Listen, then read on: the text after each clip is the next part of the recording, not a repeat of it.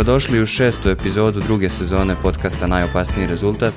U produkciji velikih priča ja sam Uroš Jovičić i bit ću vaš domaćin i u ovoj epizodi. Prošlu epizodu, tačnije pretprošlu, pošto smo umeđu vremenu imali košarkaški specijal, četvrtu epizodu, onu koja je bila posvećena futbalu, završili smo pričom o tome da kad smo već posvetili pažnju tamnoj strani futbala, Chelsea-u, Ajaxu i Olimpiku iz Marseja, da je red da sledeći put pričamo o nekim pozitivnim stvarima, na primjer o nekim klubovima koji su na početku sezone potpuno prebacili očekivanje i svojih navijača i analitičara i stručnjaka. I to je trebalo da se desi i trebalo da nam u fokusu bude utakmica Liverpoola i Tottenhama, međutim onda se dogodio jedan potpuni raspad sistema, na toj utakmici sudije su napravile totalni karambol i ta utakmica će nam i dalje biti u fokusu, ali nisam siguran da na bilo koji način više možemo da je smestimo u kontekst neke svetle strane. Sa mnom će danas biti, kako je običaj u ovom podcastu kada se priča o Liverpoolu, jedan, tako da kažem, sabrat u, u tom celom podvigu navijanja za taj klub, pre svega odgovorni urednik nedeljnika velikih priča, a onda i navijač Liverpoola i ljubitelj futbala i u posljednje vreme i američkog futbala, na, čak i na nekom višem nivou, gospodin Marko Prelević. Gde si, Mare? Zdravo, Uroše. Dopisnik sa Merseyside i Sutomora. Tako je.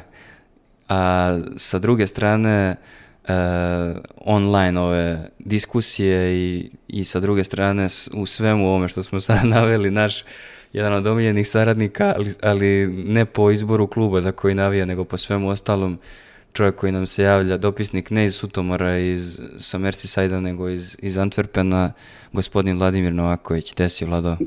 Da, svoje vremeno, ovaj, kad smo pravili neki fanzin tinejdžerski, ja sam bio dopisnik iz Kameruna i Krajine, tako da tamo se lepo uklapam. sao Kamerun i Sao Krajine. ne, nismo precizirali da li je Sao. Katastrofa. E, možemo da krenemo onda. E, znam da ćeš ti, Vlado, da se smeješ i da seiriš nad mojom najavom iz prošle epizode, kad sam rekao da ćemo pričati o svetloj strani. Možemo li da pričamo o svetloj strani bilo čega nakon onog što se desilo u nedelju? Pa mislim, možemo. U subotu, nedelju, subotu, vidiš, da. ne znam, ni koji dan. Što ne bismo mogli da pričamo o lepim stvarima? Uvijek može da se priča o lepim stvarima, ali to nikad nije dovoljno atraktivno, niti dovede do nekog rešenja. Generalno je uvek bolja tema problem, generalno medije uvek više zanimaju problemi nego dobre stvari, ili tako? Tako da s te strane možemo budemo super zadovoljni, imaćemo, e, pretpostavljam, veliku slušanost jer će svi želeti da čuju ovo i svi će želeti da čuju šta sam teo da kažem onim tweetom, ja. Tako je, tako je. Pre svega Marko, pre svih Marko i ja, ali da se na kratko osvrnemo, Mare, pričali smo u pripremi ove epizode, pripremamo je već dve, tri nedelje o tome kada će Tottenham i ovo što rade na početku sezone postati tema i onda smo nekako došli do zaključka da bi bilo super da to bude posle utakmice Tottenhama i Liverpoola, jer su realno obe ekipe prebacile očekivanja. Kako ti vidiš početak sezone obe ove ekipe? Pa ja sam se čak i spremao, ovaj, nije nepoznato da imam prijatelja koji je to sticajem okolnosti navija za Tottenham ceo život, jedno 30 i kusur godina i čak sam i, i s njim teo malo da se konsultujem i da vidim šta on misli i negde mi je teza bila naravno pre svega ovoga što se desilo u subotu, da je Tottenham uh, iz jedne ekipe koja, koja je bila um, jako tužna i čiji su navijači onako učestvovali bili su, što bi rekli na ovim zlikovačkim telegram grupama, bili su autošovinisti što se tiče svog kluba i, i mrzeli su ga i, i uživali su u jednom mizeri pornu svake, svakog vikenda. Uh, hteli smo da napravimo i ti ja, eto, pričali smo o tome o nekom, o nekom, nekoj lepoj epizodi gde bi bilo E, malo priče o Tottenhamu i Liverpoolu, o tome kako smo se e, ti i ja posle jedne narodne pevačice zaljubili u istu osobu koja se zove Dominik Soboslaj. E, hteli smo da pričamo i o ovom ne znam kako bi ga nazvao, El Hipsteriku o, o meču Aston Ville i Brightona, da pomenemo i Gironu u Španiji, a onda uh, sam shvatio, odnosno shvatili smo obojica u subotu da, da ne možemo da pričamo ni o čemu drugom, ne samo zato što je tema i ne samo zato što će biti slučano, slušano i ne samo zato što uh, čekamo da nam vlada kaže uh, šta je mislio i verovatno da neko od nas dvojice ustane po prvi put u istoriji ovog podcasta iz studija i da ode, šalim se. ovaj, ali, ali eto, mislim da je, da je na kraju krajeva m, i tim nesrećnim navijačima Tottenhema verovatno može da bude krivo i što se sve ovako desilo zato što jedan njihov sjajan start, jedan njihov sjajan rezultat i jedan njihov, njihovo sjajno raspoloženje, ajde da tako kažem, sa sve uh, velikim angeom, uh, palo u drugi plan zbog nečega na šta nisu imali presudno utice. Vlado, jel tebi izgleda da su Tottenham i Liverpool prebacili očekivanja na početku sezone? Mislim, pitanje je malo ono da li kad padne mrak bude noć, ali želeo bih da čujem ako jesu po tebi, zbog čega jesu, kako to vidiš, šta si mislio da će biti veći problemi nego što su se zapravo pokazali?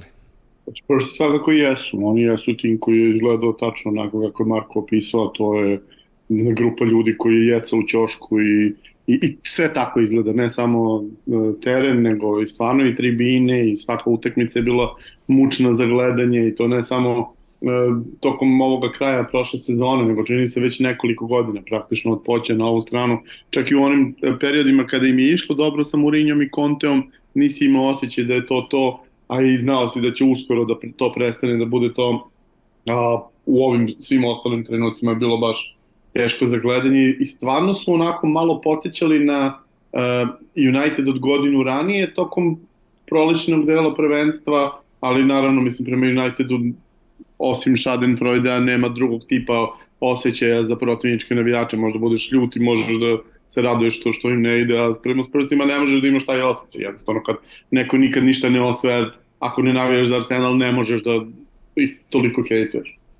Um, ono što je Andrew radio je zaista veliko. Prvo što je presekao uh, od starta sve, znao je da će ostati bez Harija Kejna, ali ovaj, imao je ideju kako će to da nadomesti i pogodio je tačno to sa pomeranjem Sona na 9 koji kako sve funkcioniše, super sad sve radi, ima sad i opcije na klupi koje nisu tolika razlika u odnosu na one koje su starteri, ima sedam igrača koje, koji izvede na, na teren koje prošle godine nisu igrali u, u, uopšte ili su igrali ekstremno malo. Um, I s te strane je i to sjajno, a još sjajnije to kak, kakve su rezultate postigli. Oni su sada u samom vrhu lige, dobijali su utakmice koje je delovalo da neće uspevati da dobiju, čak i kada su bili slabi, dva puta su dobili mečeve duboko u nadoknadi, ovaj čak nije ni, ni najkasnije protiv Sheffield Uniteda su prvi gol dali posle ovoga vremena kad su dali pobednički, odnosno kada je Matip dao sebi autovol. A, sve strane ne može mnogo toga da, da, da se ne primeti. Oni su tim koji je e, nadmašio očekivanja. Mislim da su svi očekivali bolju sezonu nego prošle, jer posle Goglu ima sistem rada i ima e, empatiju koja je generalno nedostajala svim ovim prethodnim e, menadžerima Chelsea, e, Spur, Spursa još od početina. To mnogo znači kada imaš ekipu koja nije baš 100% sigurna u sebe, jako je bitno da ima ko da te zagrali, ko da te zaštiti. Sjajni su mi njegovi komentari svi kada na konferencijama neko kaže ono dobio si ono u pola cene Madison, a on krene da se smeje kako u pola cene, brate mili, za 45 miliona. I to za u kom ti svetu živiš kad je to jeftino i to. Uh, oko toga, dakle, ne, ne mogu se sporiti. Oni apsolutno jesu prebacili to, dakle, m, svi smo očekivali bolji, ali ne ovoliko bolji tip.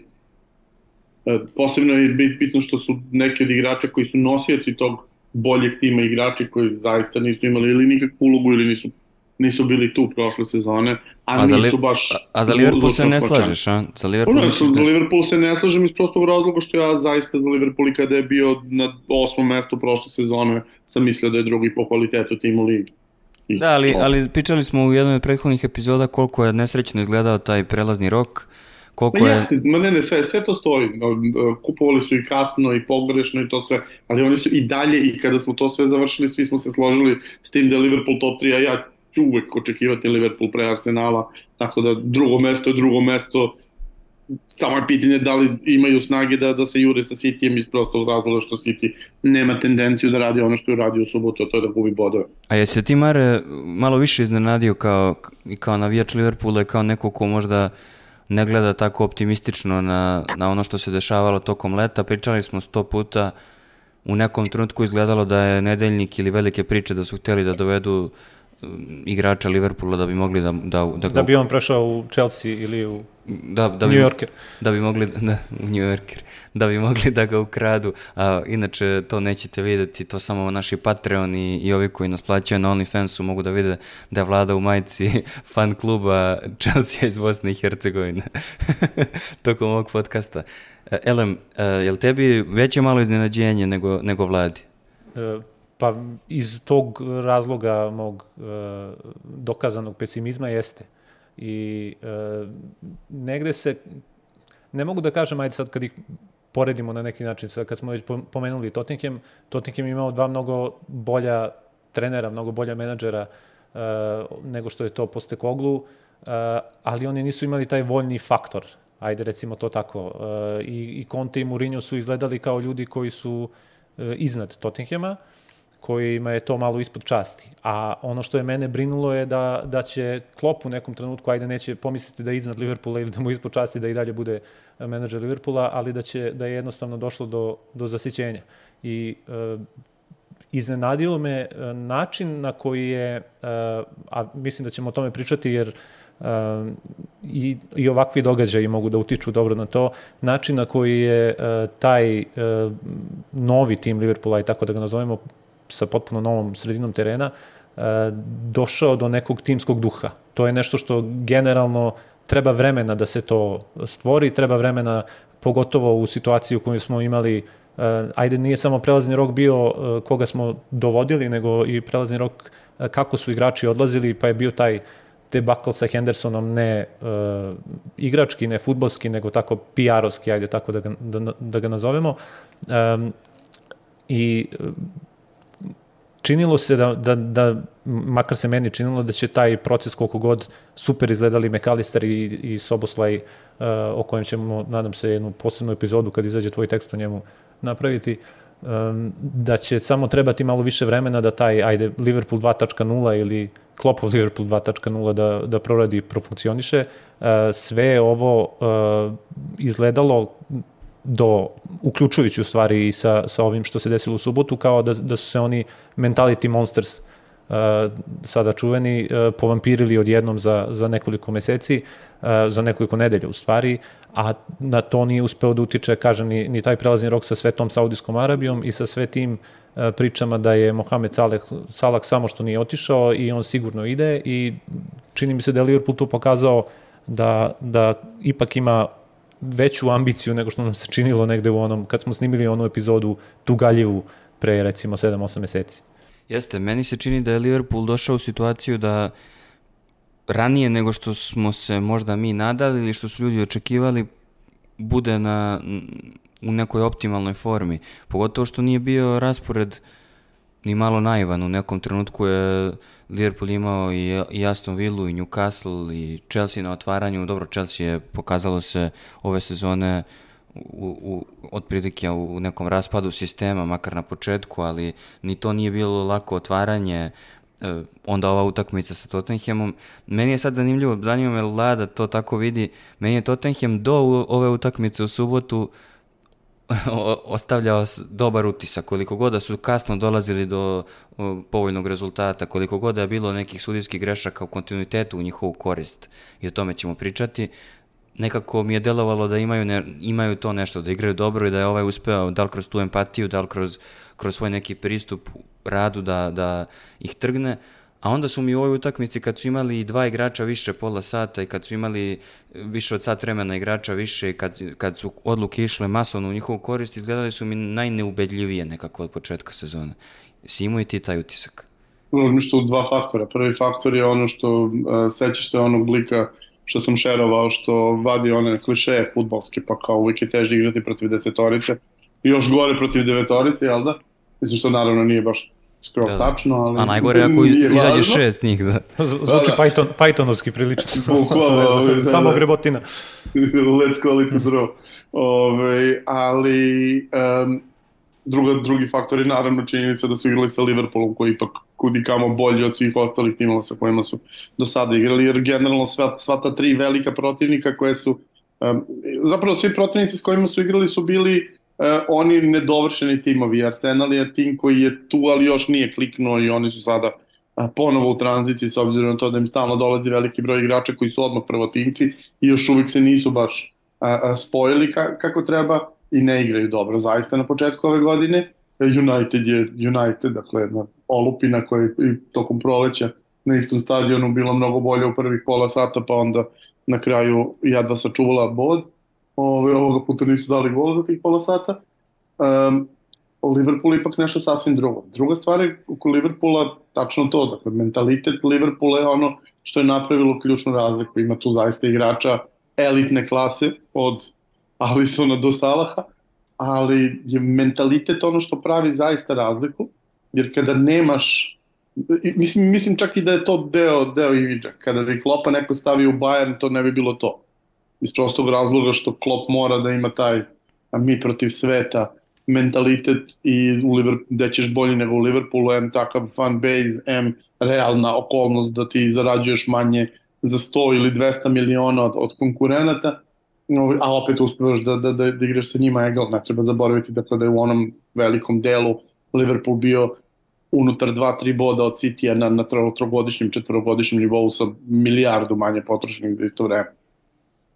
Um, teško igrati protiv takve ekipe, takva ekipa se još više loži kada dođe u tešku situaciju, na kraju su noge postale teške i siguran sam da su te teške noge bile ono što je poslalo Matipovu loptu u svoju mrežu i to je taj otežavajući faktor. Međutim, za olakšavajući faktor a, ti si poslao sa klupe sveže a, a, orni igrače, evo gledao sam sinoć ovaj Dallas Cowboys, pošto im imamo odbranu u fantaziju, i sve vreme kako kreće utekmica, moje razmišljenje je samo krenite besni psi, uništite ih, uništite ih i bukvalno tako izgleda Liverpool kada, kada im se igra u full. Dakle, uh, odbrana, to kako će uh, sva jedna storica oteti loptu protivniku odmah i pregaziti ga je ključ i Spursi su to imali priliku da osete. Spursi su po prirodi jedna mekana ekipa i dalje, koliko god da su, mislim, nije slučajno ono, it's Tottenham,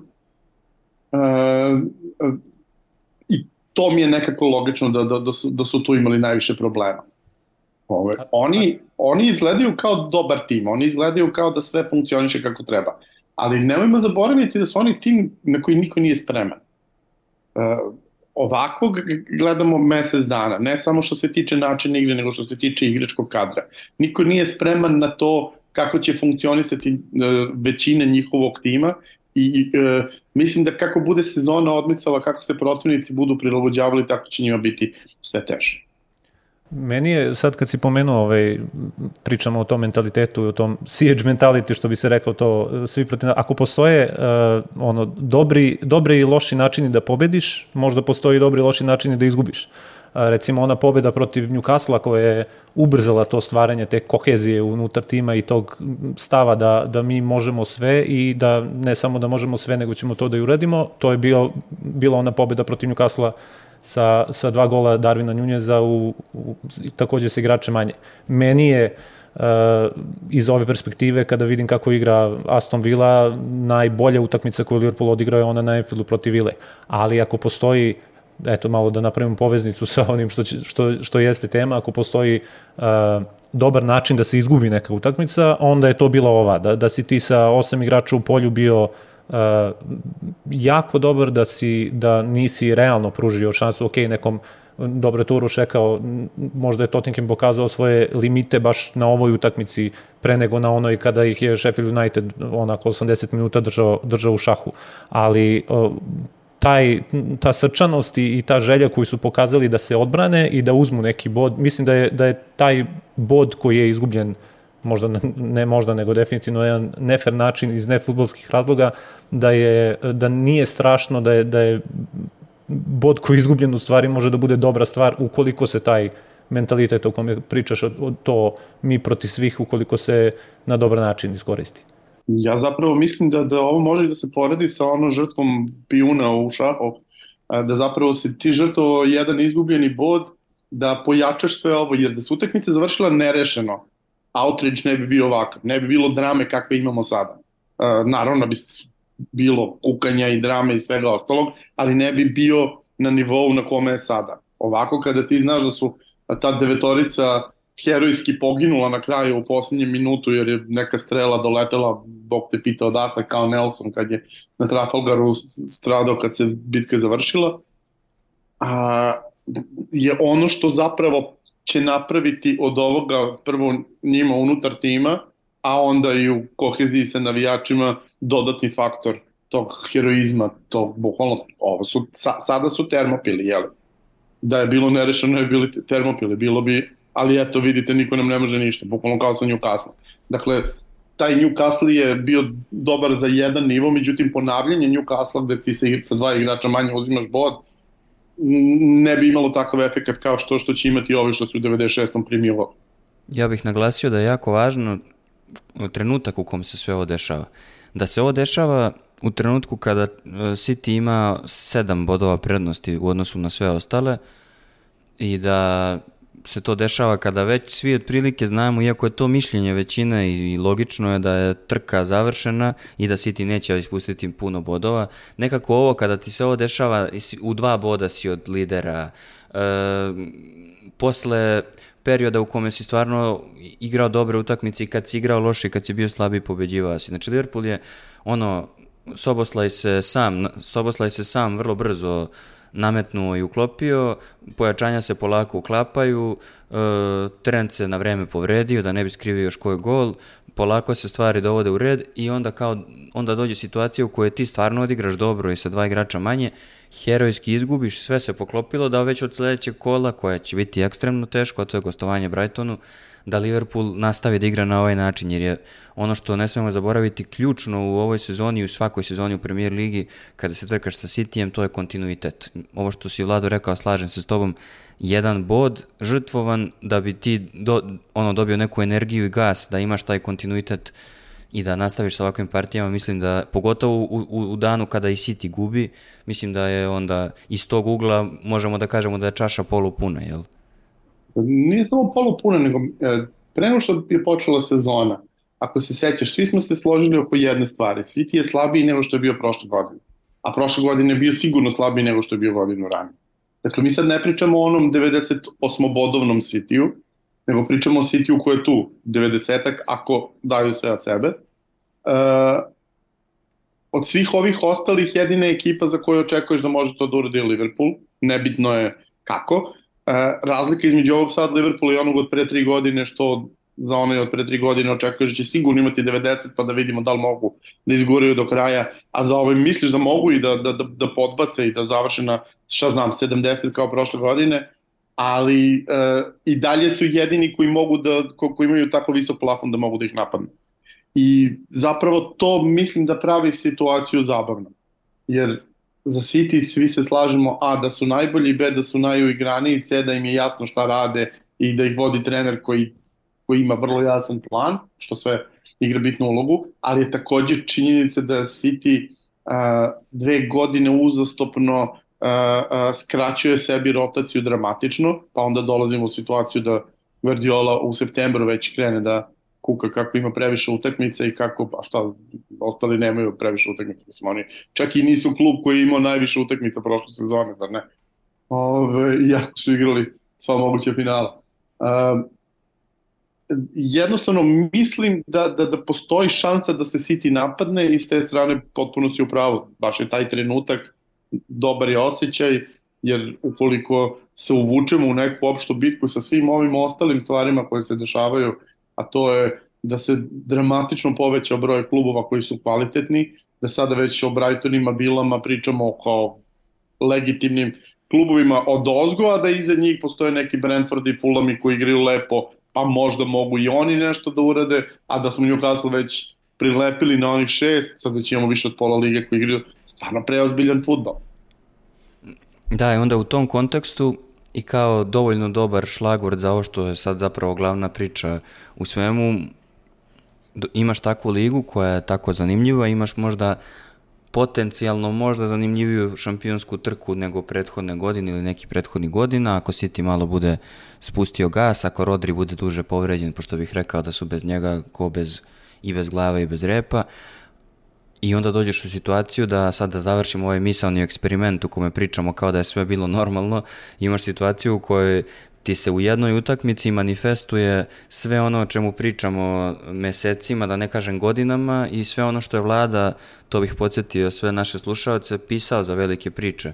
Vlada je pisao tekst, rekao bih, krajem prošle sezone o, o tome koliko su sudije zapravo loše, koliko je VAR zapravo loše iskorišćen, nemo kažem loš kao pojava, nego loše iskorišćen, koliko je koordinacija užasna, koliko su namere zadnje, mislim da se mi ne lažemo koliko su oni ono klika koja se drži neće da neće da ugroze jedni drugi i zbog, zbog toga trpe pre svega timovi, gube bodove na pravdi Boga, ako ta pravda postoji.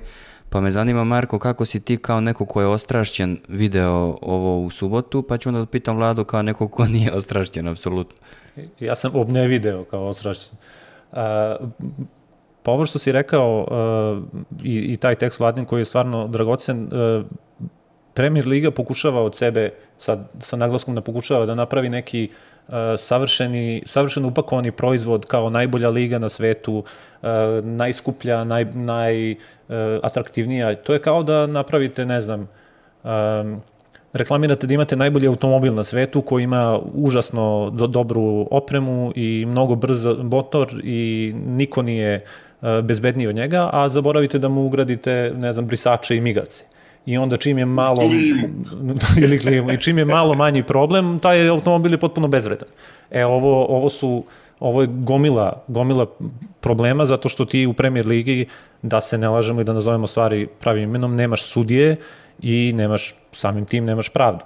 E, nevezano za to da je, da je Liverpool e, oštećen u ovom slučaju brutalno tim e, nepriznavanjem pogotka Luisa Diaza i tim nemuštim objašnjenjem. Negde sam video da je tokom prošle godine ovaj e, PG Mall ili kako god da ga nazovemo e, izdao 14 ovakvih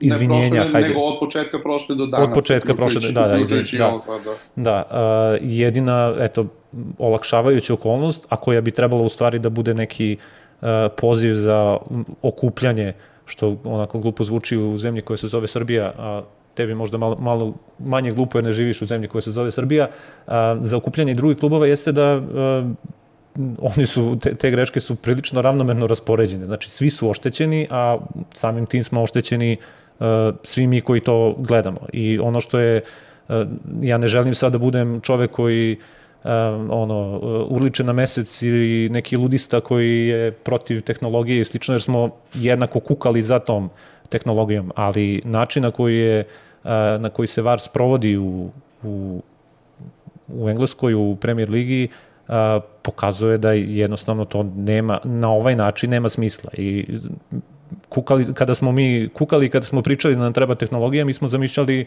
a, kako će na velikom ekranu da se pojavi neki sporni trenutak i kako ćemo svi da znamo o čemu se radi i odmah ćemo, ajde sad eto i, i naši slušalci i svi mi koji gledamo ono svaku utakmicu e, koliko puta kada je VAR ne znamo šta će oni da ne znamo prvo ne znamo šta pričaju što što je jedan od problema možda drugo nemamo apsolutnu predstavu kako će oni to pravilo da primene, da li će biti ruka ili neće, da li će biti offset ili neće i jednostavno to je ja, ja ne mogu da, da zamislim situaciju u kojoj to može da se popravi sa ovakvim engleskim sudijama, niti mislim da, da oni mogu sad naprasno da, da uvezu neke, neke nove, ali um, Uroš je rekao i, i to o toj uh, kliki, um, to je jedan princip vrana vrani, oči ne vadi što smo videli kod uh, izjave ili intervjua ili da li to iz njegove biografije, nisam siguran, Majka Dina koji je pričao onoj utakmici mm, ja mislim isto između Tottenhema i Chelsea kada je Kutiro Mero povukao Kukurelju za, za kosu, pa je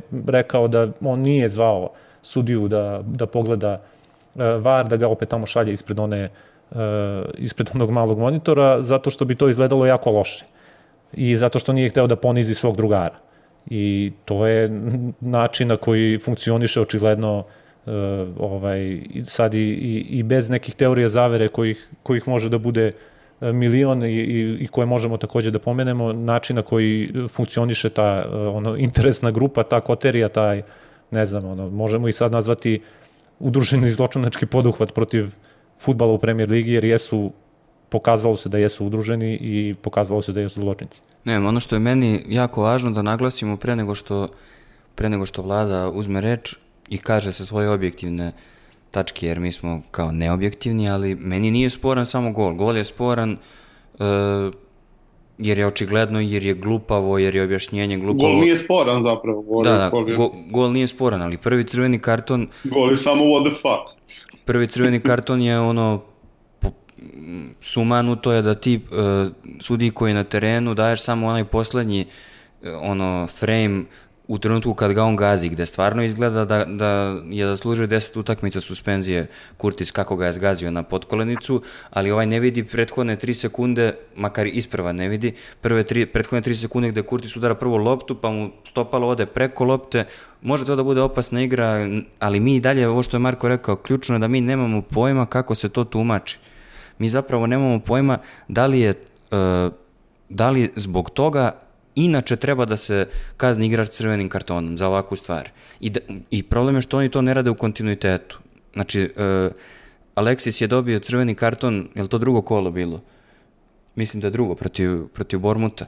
Dobio je crveni karton za koji isto je bilo objašnjenje da je to prekomerna upotreba sile, nepažnja, ne znam ni kako su ga objasnili.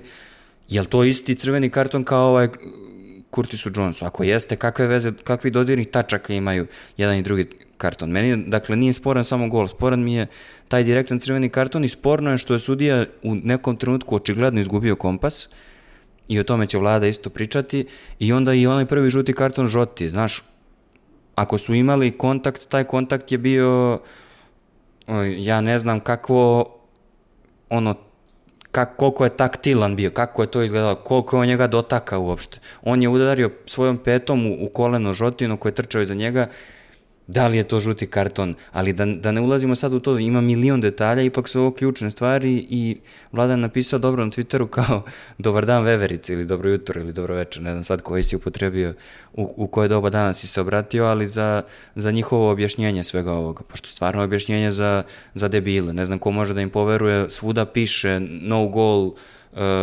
video je da se igrač ne raduje, video je da sudija digo zastavicu i kao mislili smo da je priznat gol. Pa gde ste vi bili ljudi, šta radite? Dobro, ali čak i tada je, postoji trenutak u kojem mi smo videli i ajde, vlada se sigurno bolje seća te utakmice između Brightona i Uniteda pre sad već dve godine, tako dođe, kada se izvodio penal posle poslednjeg sudijskog zvižduha, znači to što je uh, neko izveo free kick ili šta su već rekli, nije to puj piki ne važi, nego ako je... Jeste, zapravo da. puj piki ne važi, to je problem, zato što je pa ne, da, tada je ka, bio kažem, poslednji zvižduk da, i bilo je da. gotovo. Da. Znači, da. ima 4-5 puta su već na, posle poluvremena i posle kraja utakmice prekidali, ali s obzirom na to da ovde krenula sledeća akcija, to je bukvalno ko NFL-u, puj pike ne važi, dakle probaj da Dobro, da požuriš sledeću akciju da, da ne bi došao u situaciju da ti vrati ovu prethodnu. Upravo to, upravo to je problem. A kada, kada se desi ovolika povreda, znači postoji uh, ono nužnost postoji jednostavno nužda da se takve stvari menjaju i i komunikacija ajde čak i da da malo skliznemo u te teorije zavere ako je već uh, napravljen takav faul možda je trebalo sad, ima ljudi koji vole kompenzaciju, ima ljudi koji ne vole kompenzaciju, ali možda je trebalo reći sudije, znaš, napravio si ogromnu grešku na, na štetu Liverpoola, ajde malo onako, nemoj da daješ žut, žoti dva žuta kartona u, u onako kratkom razmaku. Malo ih pomiluj zato što, znaš, trebalo je da vode u ovom trenutku. Ma čak i da, i čak i da ne, ne treba niko da te pomiluje, samo znaš, ono, ne, nemoj da gubiš kompas. Napravio si ogromnu grešku, napravili smo je zajedno, fokusiraj se na to da se ne glupiraš drugo polovreme, daje Salah u žuti karton, mislim, onda treba svim igračima da po žuti karton na terenu, za, ono, za onaj prigovor. Ok, Salah je izgledao kao da mu psuje na svom nekom jeziku ono prvi red na sahrani čitav, ali brate, svi ti to govore celu utakmicu, izgledaš kao najnebitniji faktor na terenu, iako nisi de facto, Znaš, ono, trebalo je na neki način da pokušaju da stabilizuju situaciju, ali sad znam šta će vlada reći, oni to ne rade već mesecima ili sezonama, što bi ta utakmica bila, bio pokazatelj nekog, neke normalnosti. Kako si ti video ovo sa strane? Pa ovo posljednje što si rekao mi liči zapravo na, na, na, na ono, pre nego što si mi rekao da ćemo da radimo ovaj podcast, moj plan je bio da ti vanredno pošaljem tekst novi o suđenju koji bi danas izašao.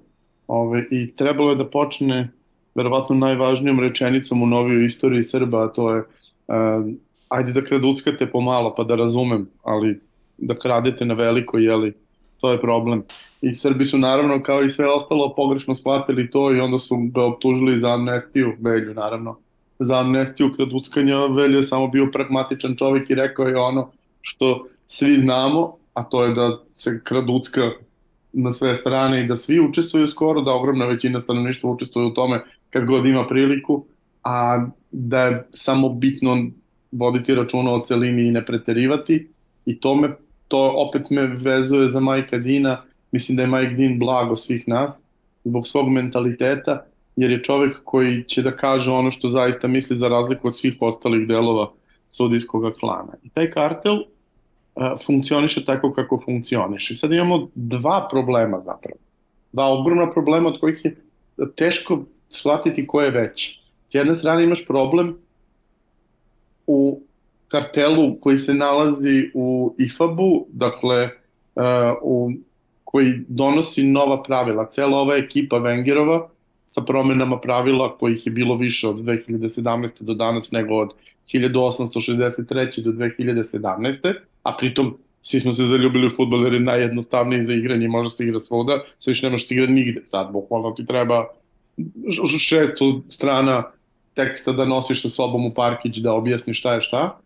I druga stvar je ta, ta, to, taj zatvoreni krug sudja. I to, taj zatvoreni krug nije samo vezan za englesku.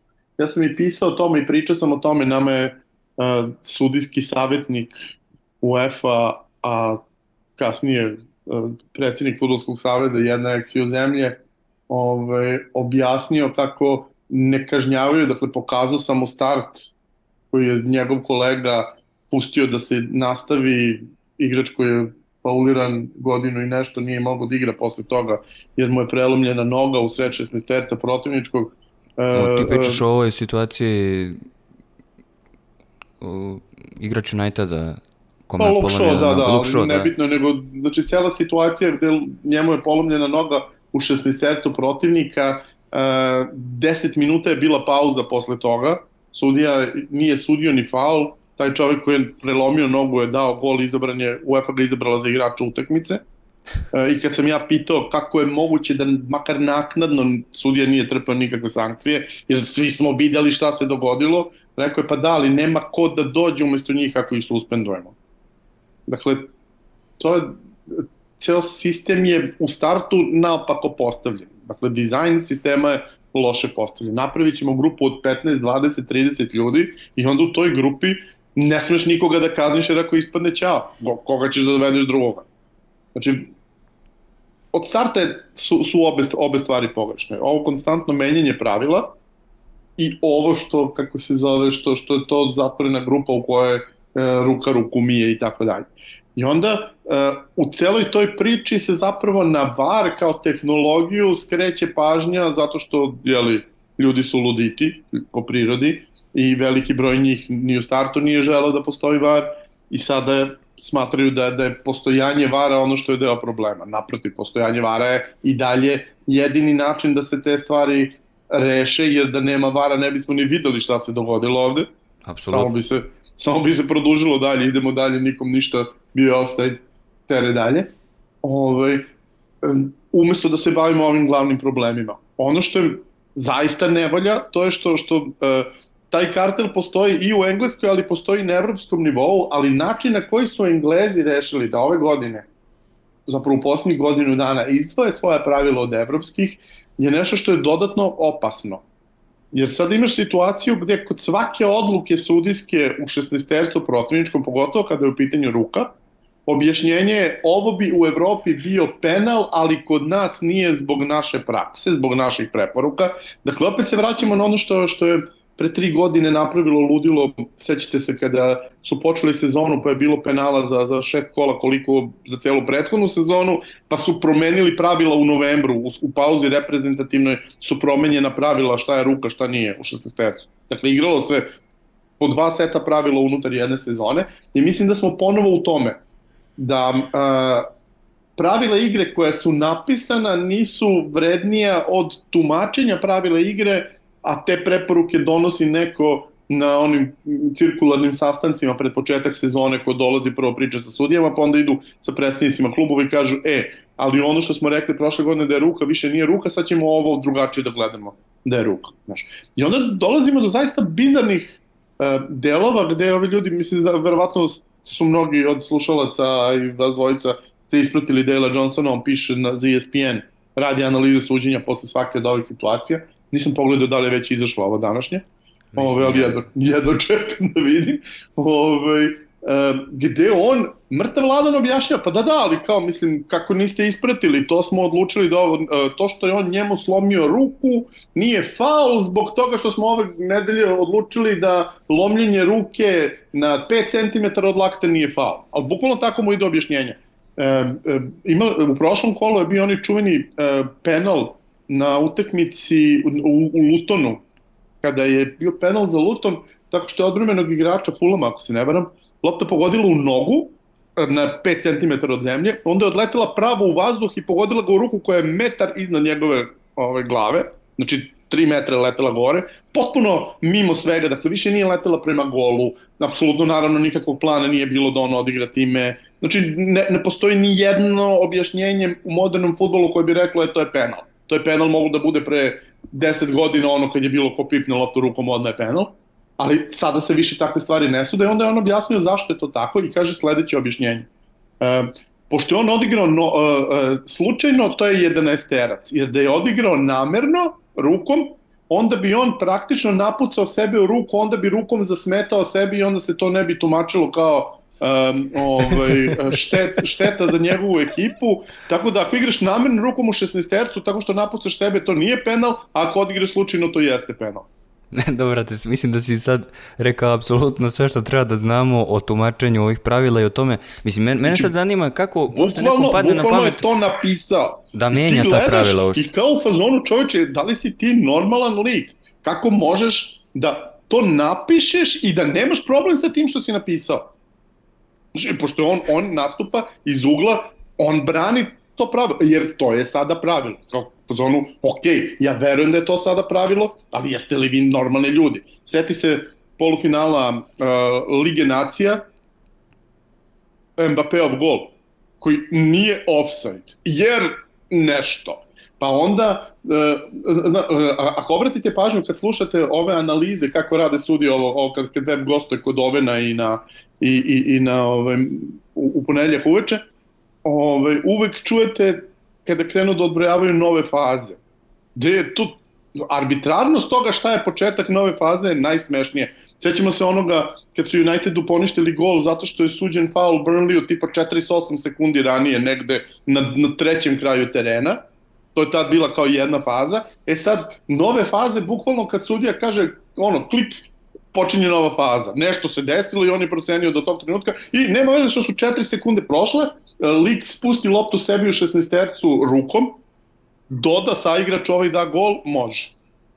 Jer setite se da su, da su usvojili da ako e, u jednom trenutku je bilo to, kao ako, ako asistent igra rukom u 16 tercu, to nije ruka, da samo ako strelac igra Čekaj, rukom. Čekaj, da, da te pitam samo sad nešto. Znači, kada ovako već definišemo i ti si u, u, u pet minuta objasnio svu besmisa svih tih njihovih promena pravila pod jedan, onda primene tih promena, onda objašnjenja tih, e, te primene tih promena. E, ono što mene zanima, u svakom normalnom sistemu, kada neko napravi jednu grešku, otprilike dobije opomenu, neku malu kaznu, sedneš s njim, popričaš. Mislim, Marko je urednik, ti si bio urednik u, u različitim medijima, u različitim sistemima, vodili ste razne ekipe i ja to radim pola života svog. I kad god neko napravi neku grešku, nećeš ga naravno baciti pod kamion, ali ćeš sesti popričati i reći ovo je greška, ajde da se to ne ponovi. Reći mu, brate, pa da. stvarno. Da, I sad da. ako, ako neko to uradi 29.000 puta, Mislim, ne znam koja je šansa da ti imaš to, da si toliko dobar čovek, da si toliko empatičan, osim ako nije neka inkluzija, ne vidim način da ti tu osobu zadržiš na poziciji na kojoj jeste ako konstantno pravi greške i gluposti. Sad A, mi dolazimo... Mislim da jeste inkluzija, staviš ga na poziciju gde će to ugrožavati jeste, i manje.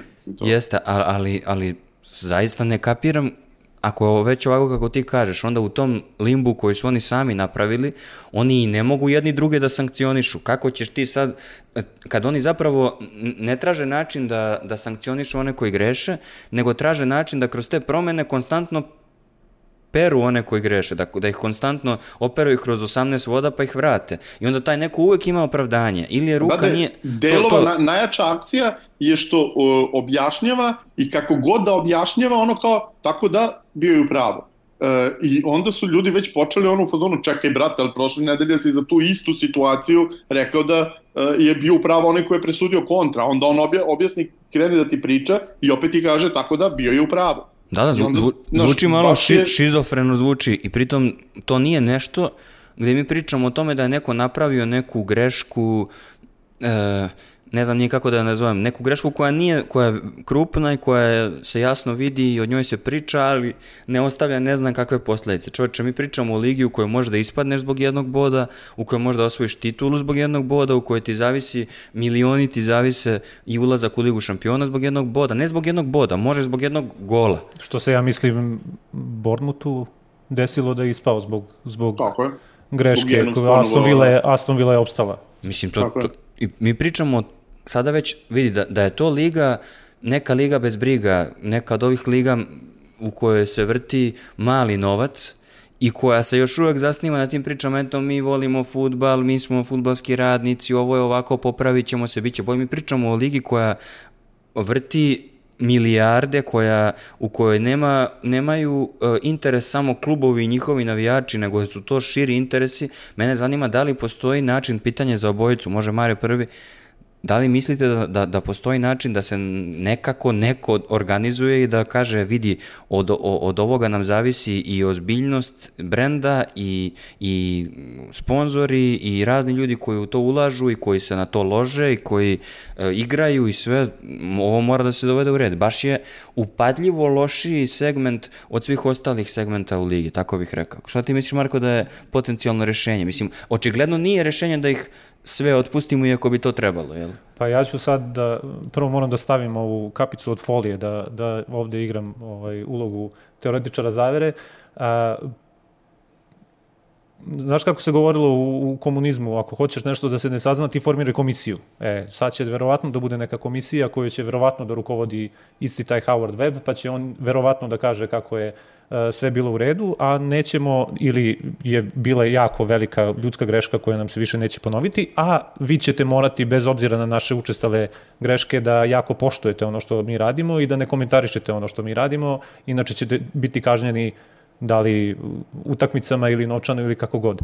Um, druga stvar koja, koja je uh, prošla malo ispod radara jeste to što, ajde, uzmite u obzir da držim tu kapicu na glavi i ako ne vidite, uh, što je Darren England i njegov kolega su bili na, na jednom službenom putu, poluslužbenom, poluturističkom i vratili su se, sad da li je to uopšte bitno, 48 sati pre ili posle, na manje od 48 sati pre ili posle utakmice, ok, ajde da uzmemo obzir da, da bi oni mogli da budu spremni i da kad putuješ iz Dubaja ili Abu Dhabija do Engleske, koliko to traje let, 4-5 sati, nisi, nisi previše umoran. Hajde da, možda su napravili grešku jer su bili umorni, a možda i nisu, nego su samo bili ovaj, maliciozni, ali eto, može da se postavi pitanje da su oni bili u jednoj zemlji, da su tezgarili, ajde tako da, da nazovemo, u jednoj zemlji koja, čiji jedan konstituent drži jedan ono, uh, futbalski klub uh, koji se eto sticajem okolnosti bori za titulu i koji će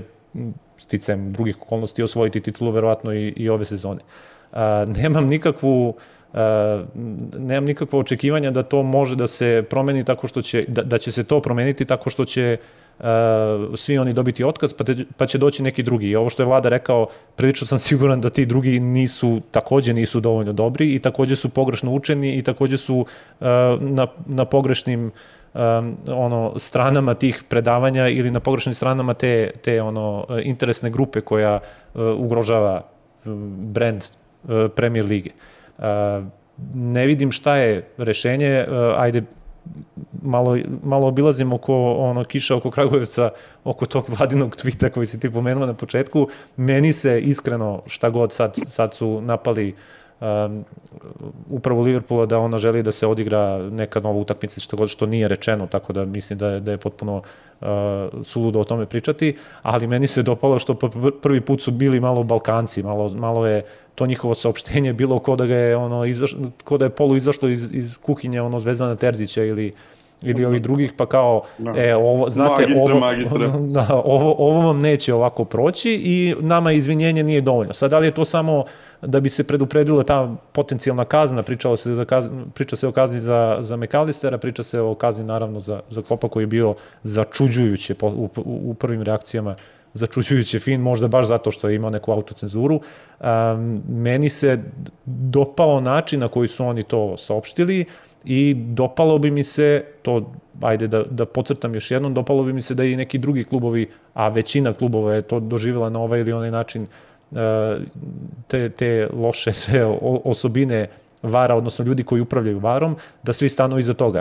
Odmah se naravno, što bi rekao ovaj, ovaj, jedan naš e, prethodnik i kolega, javljaju se pajaci, pa se odmah javio Gary Neville, pa je rekao da zašto sad se Liverpool buni, pa zar izvinjenje nije dovoljno, pa e, trebalo bi da, da, da kao to prihvate i, i let's move on, ali možda je jedan od, od prelomnih trenutaka, ajde, vidjet ćemo, možda se ništa ne desi, i za, baš zato što će se formirati komisija, a možda bude jedan od prelomnih trenutaka kada će neko da stavi prst na čelo i da kaže, makar zbog ovaj, tog brenda i, to, i tih para koji se vrte, ajde ljudi, moramo da, da uradimo nešto s ovim. E sad, ono što je meni tu zanimljivo, to je taj vladin tweet koji je vlada napisao, sad, ovo ispadne da, da, se, da se čita ova epizoda vrti oko tog vladinog tvita, ali nama jeste zabavno zbog toga što je vlada napisao da, da realno nije moglo boljem klubu ovo da se desi, u smislu uprave... Ajde, ajde pre nego što, što do toga dođemo, da. samo još nekoliko drugih stvari tu da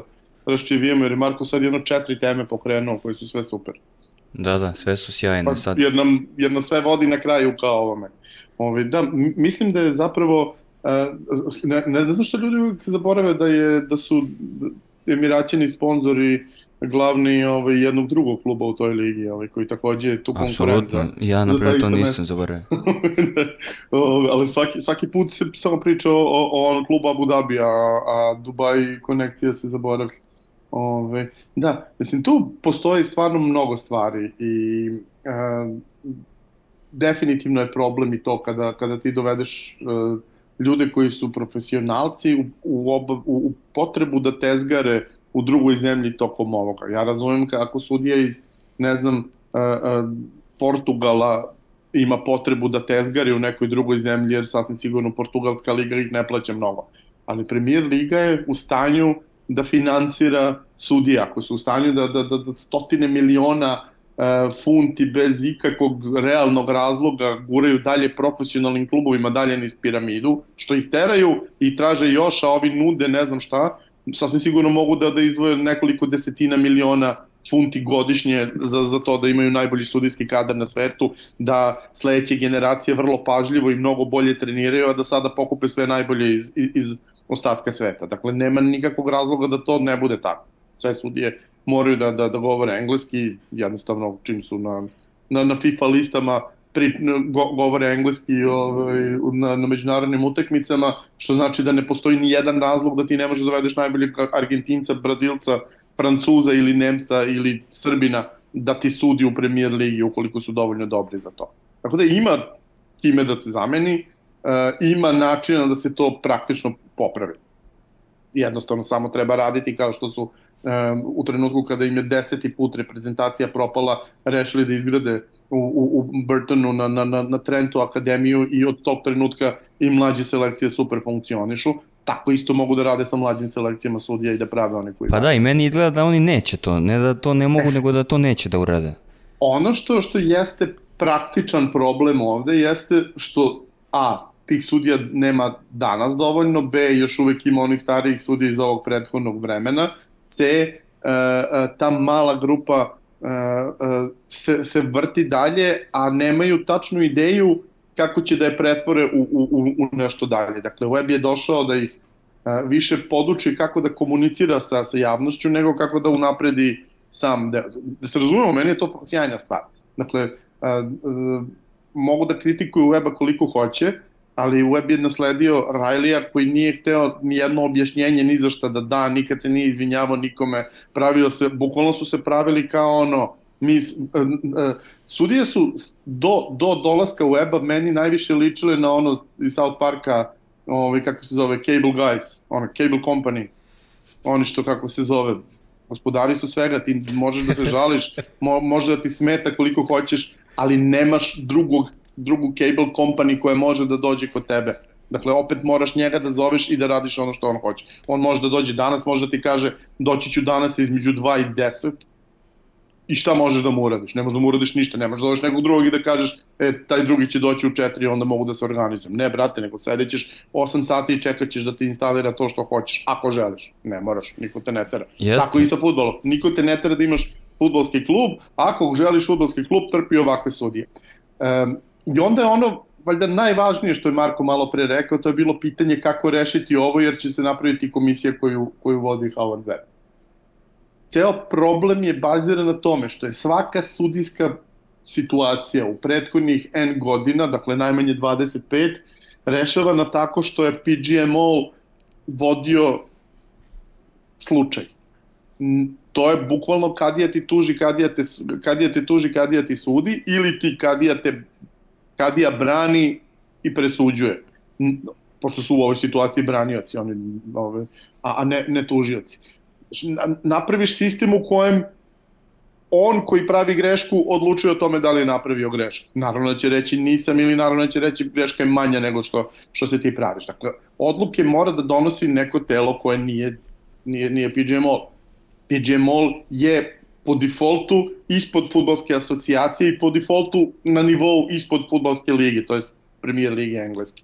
Dakle, jedna i druga institucija mogu da, da, da, da krenu da presuđuju. A u krajnjoj liniji, ukoliko oni nisu u stanju da presuđuju, postoje civilni sudovi. Nemojmo zaboraviti.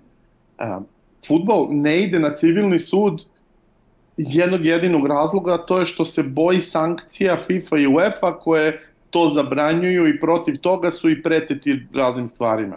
Mi smo sada u situaciji u kojoj su odnosi sa FIFA i UEFA toliko zaoštreni da bi milion futbolskih faktora rado stupilo u otvoreni konflikt sa njima u takvoj situaciji, gde ti sutra Liverpool ode na sud civilni i tuži ove, da vidim šta, šta, šta smeju FIFA i UEFA da urede. Jer ukoliko probaju nešto da urede, ti imaš garantovanu reakciju još bar 10, 20, 50 klubova i raznih drugih faktora koji mogu da ustanu i to može da pokrene, jer i FIFA i UEFA su trenutno u popriličnom strahu, jer znaju ono što svi znamo i oni, a to je da je njihova funkcija vrlo sporna. Je li neophodno da postoji UEFA ovakva kakva je? Je li neophodno da postoji FIFA? FIFA posebno, FIFA ništa ne uređuje de facto. Oni ljudi organizuju svetsko prvenstvo tako što mu zapravo daju ove, legitimitet, to, to je da daju pečat da je to zvanično, ali ništa ne rade, oni, oni ne učestvuju u fizičkom sprovođenju svetskog prvenstva, niti bilo čega, i ni jednu drugu funkciju nemaju. Ovi iz UEFA bar vuku neke kuglice. Ovi ništa ne rade, uopšte.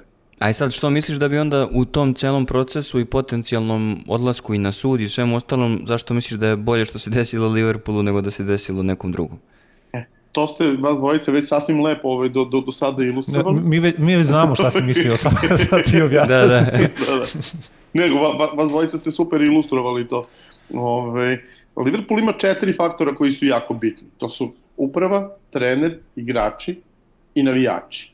Prvi faktor je uprava. Uprava Liverpoola je u sukobu sa navijačima iz nekog razloga, to jest navijači ne vole upravu Liverpoola, e, iako su im oni sastavili ovaj tim, zbog toga što su ljuti na nju jer ne ulože dovoljno novca po njihovom mišljenju u klub. On, ono kako ja to vidim, ljuti su na njih što, što nisu naftni bogataši. Ove, jer oni sve što su mogli da urede, oni su doneli know-how, e, zaposlili najbolje ljude za to, postigli najbolje rezultate i svega toga. Jedini razlog što nemaju duplo ili trostruko više trofeja u ovih 6-7 godina jeste to što konkurentski klub ima financijera koji je platio 20 milijardi. Mislim, bez šale, zaista je platio 20 milijardi ovo do sada ovaj, niko normalan ko nema bez, bezgranično naftno bogatstvo ne može sebi da priušti 20 milijardi. Tako da e, došli smo u situaciju u kojoj ta uprava e, potajno pokušava da proda klub, a sa druge strane želi da izgledi odnose sa navijačima ako će već ostati tu, tako da e, sasvim sigurno će biti spremna da se zakači za nešto što što navijači ovaj žele. Dakle, spremni su da se potuku ako treba, a baš ih briga i ako odu iz tele priče, oni su i tako već bili spremni da prodaju klub, jel tako? To je jedan nivo. Dakle, ne, neće biti nikakvog uzdržavanja na tom nivou.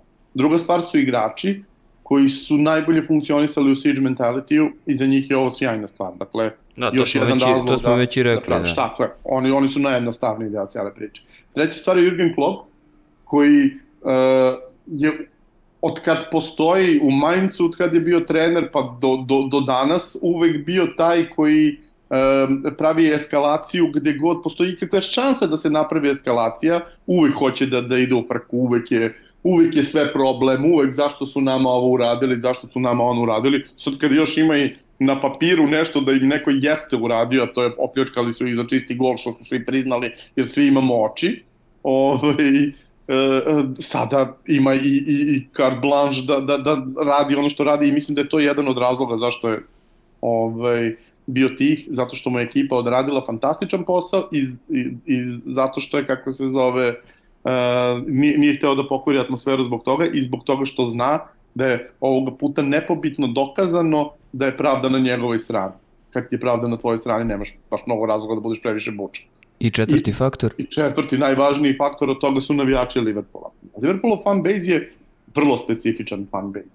Dakle, um, kad je malo pre Marko pomenuo stavljanje folije na glavu, 90% drugih navijača, navijača Liverpoola vide kao navijače sa folijom na glavi. Dakle, ljude koji će uh, se trigirovati na najnemogućnije stvari, stvarati uh, najnemogućnije teorije zavera, ali ono što jeste najbitnije, nema fanatičnijeg fanbase-a koji će se okupiti oko bilo čega i nema fanbase-a koji po defaultu osjeća taj nivo um, ugroženosti konstantno. I tu zaista nema nikakve veze da li se radi o nekom liku iz Burundija koje prekriče čuo za futbol ili o liku koji je profesor univerziteta, pričao sam i sa jednim i sa drugim tipovima u životu i svaki put vidiš isto. Uvek je neko Liverpool negde nešto uh, oštetio na ovaj ili onaj način, ne nužno sudije i tako dalje, nego uh, hteli su da nam unište grad, hteli su da nam ovo, hteli su da nam ono. Um, uh, čak i kada imaju nepobitno sva prava sveta da se žale, tipa Hillsborough, gde, ja ne znam, mislim, stvarno, ono, ja sam deset godina pre presude pisao o tome da ne postoji ni najmanja šansa da su navijači krivi za ono i da za ono mora da bude kriv organizator, to je policija.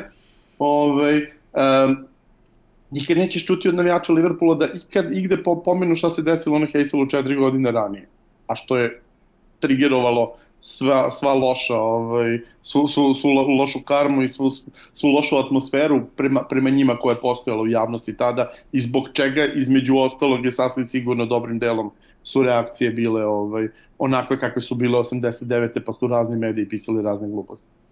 Ovaj, I s te strane, mislim da je Liverpool fantastičan klub koji je u stanju da pogura ovo, znači ima ogroman broj navijača, ima navijača koji su ekstremno fanatični i po prirodi se osjećaju ugroženima, Ove, ima trenera koji je rođen da raspaljuje sve to tako, ima upravo koja nema razloga da se uzdržava, jer engleskom futbolu to ekstremno nedostaje.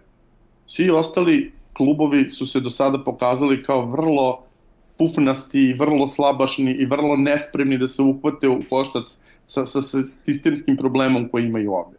Dakle, imaš klubove koji su, videli smo Fulham je valjda i najbolji primjer. Ja mislim da je Fulham ove godine već jedno 8 bodova izgubio na suđenju. Završilo se tako što je Marko Silva dobio žute kartone u prve tri uzastopne utakmice. U svakoj utakmici su ih brutalno pokrali i nisu tu stali, nastavili su opisao sam penal protiv Lutona iz prošlog kola. Ovi, I posle ta, ta, ta tri žuta kartona je bio onaj čuveni Cityjev gola, Kanji nije u offside-u. TZV. Da, Ove, ono je dakle, isto... U svakoj utakmici, bukvalno, mislim da je samo jedna utakmica bila u kojoj nije neka dramatična stvar, tipa crveni karton, penal ili gol da je njima uskrećen, a često i po nekoliko na jednom meču i sve što se dešava to je da Marko Silva dobije žuti karton tokom utakmice da, i niko ništa je. posle toga.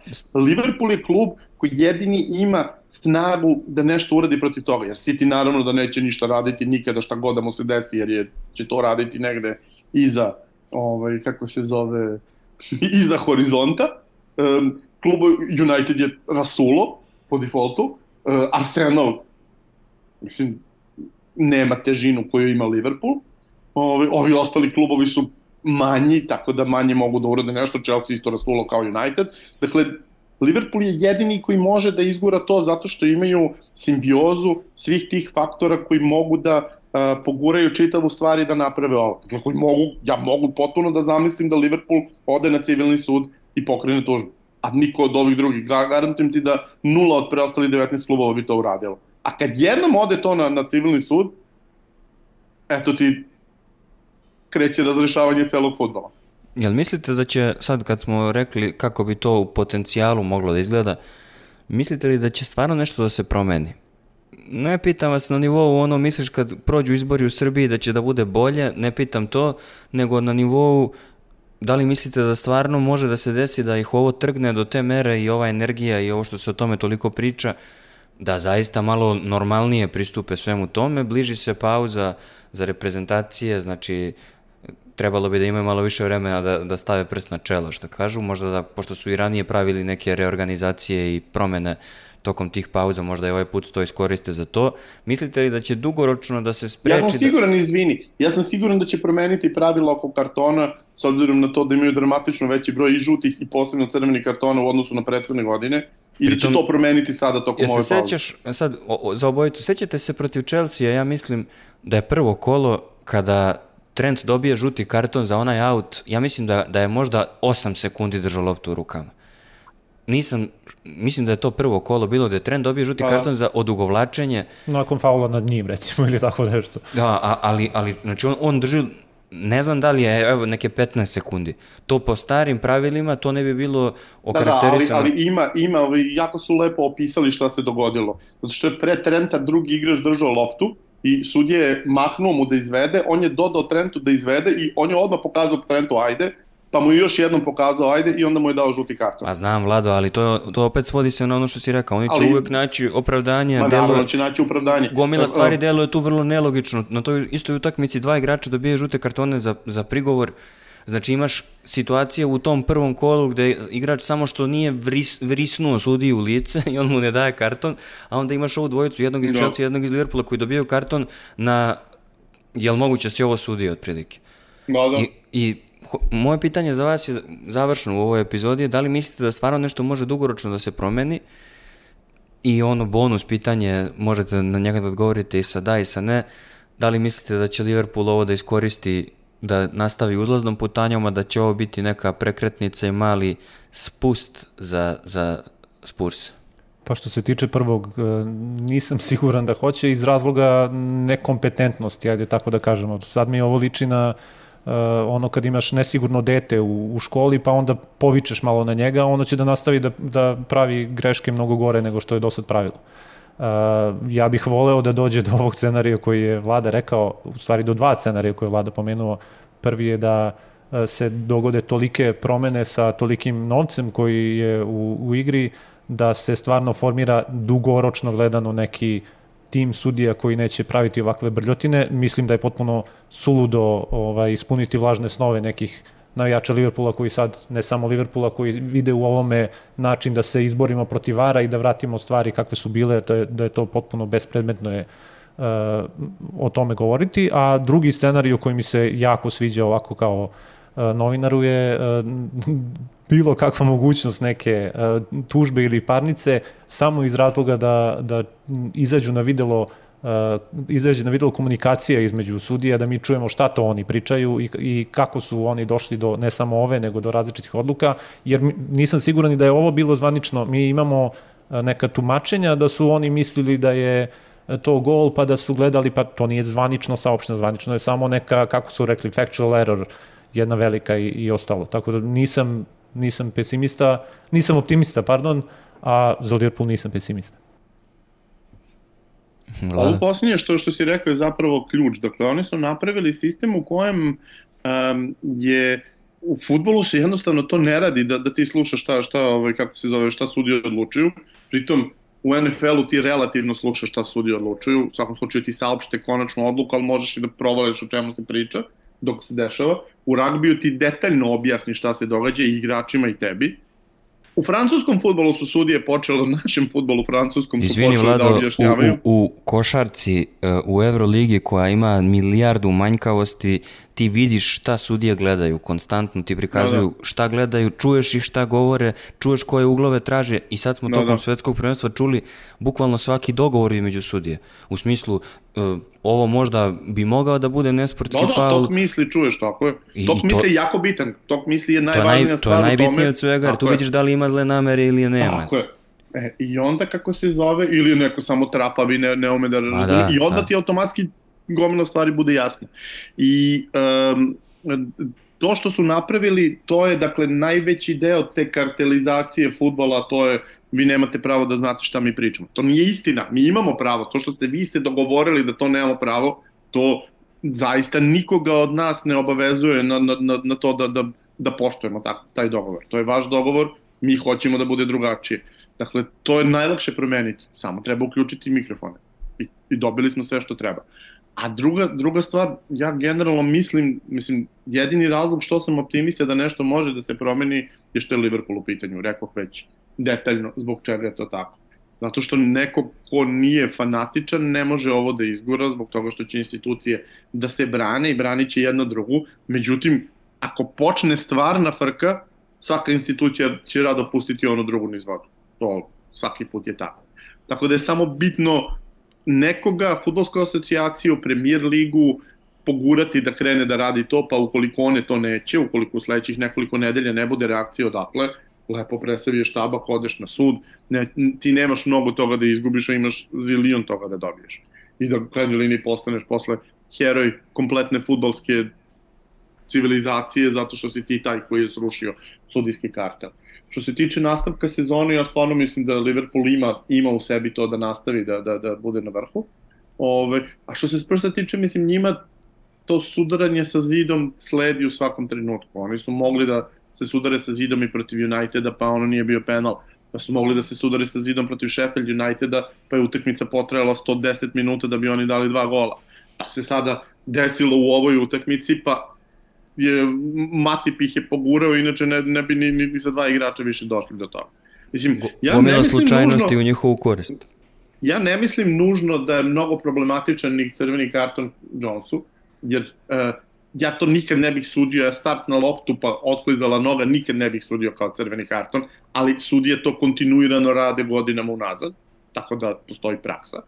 Uh, kad je u pitanju Žota, ono prvo stvarno ne može da bude žuti karton, ali isto tako Žoti je prećutan čist žuti karton u, 40, u 50. minutu, samo što je ušao, ovaj, izlomio je, ako se ne varam, uh, Bisumu ovaj, ispred svog 16-terca, tako da mislim čak i za to, a u krajnjoj liniji mislim Žota je udario igrača Spursa u kopačkom u glavu na prošloj utakmici i bio nekažnjen, je tako?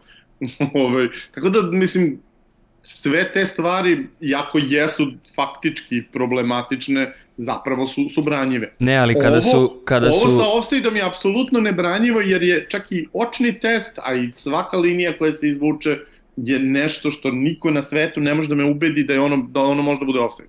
Dakle, ono je... A, a sve ovo akumulirano stvara još, još ubedljiviji utisak. Mimo toga što, što možemo da se bavimo tumačenjima i tako dalje, ali ako se sve to dešava na jednoj utakmici, mnogo je jači efekat nego tako da možemo i da zaključimo ovu epizodu time da... Pritom ja, ja, ja Spurse ne vidim kao problem jer Spursi zaista su klub koji može da nađe hiljadu, da je bre ljudima nisu priznali gol, lopta metar ušla u gol.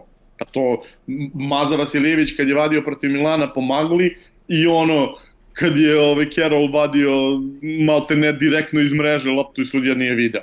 Da ne pričam šta im se sve dešavalo, kakav penal im je suđen u, u, u, drugom, u prvom minutu finala Lige šampiona i tako dalje. Mislim, to su stvari ko, koje, o, oni su ljudi koje, koje su N puta oštetile sudije. Ne mislim ja da su oni problem.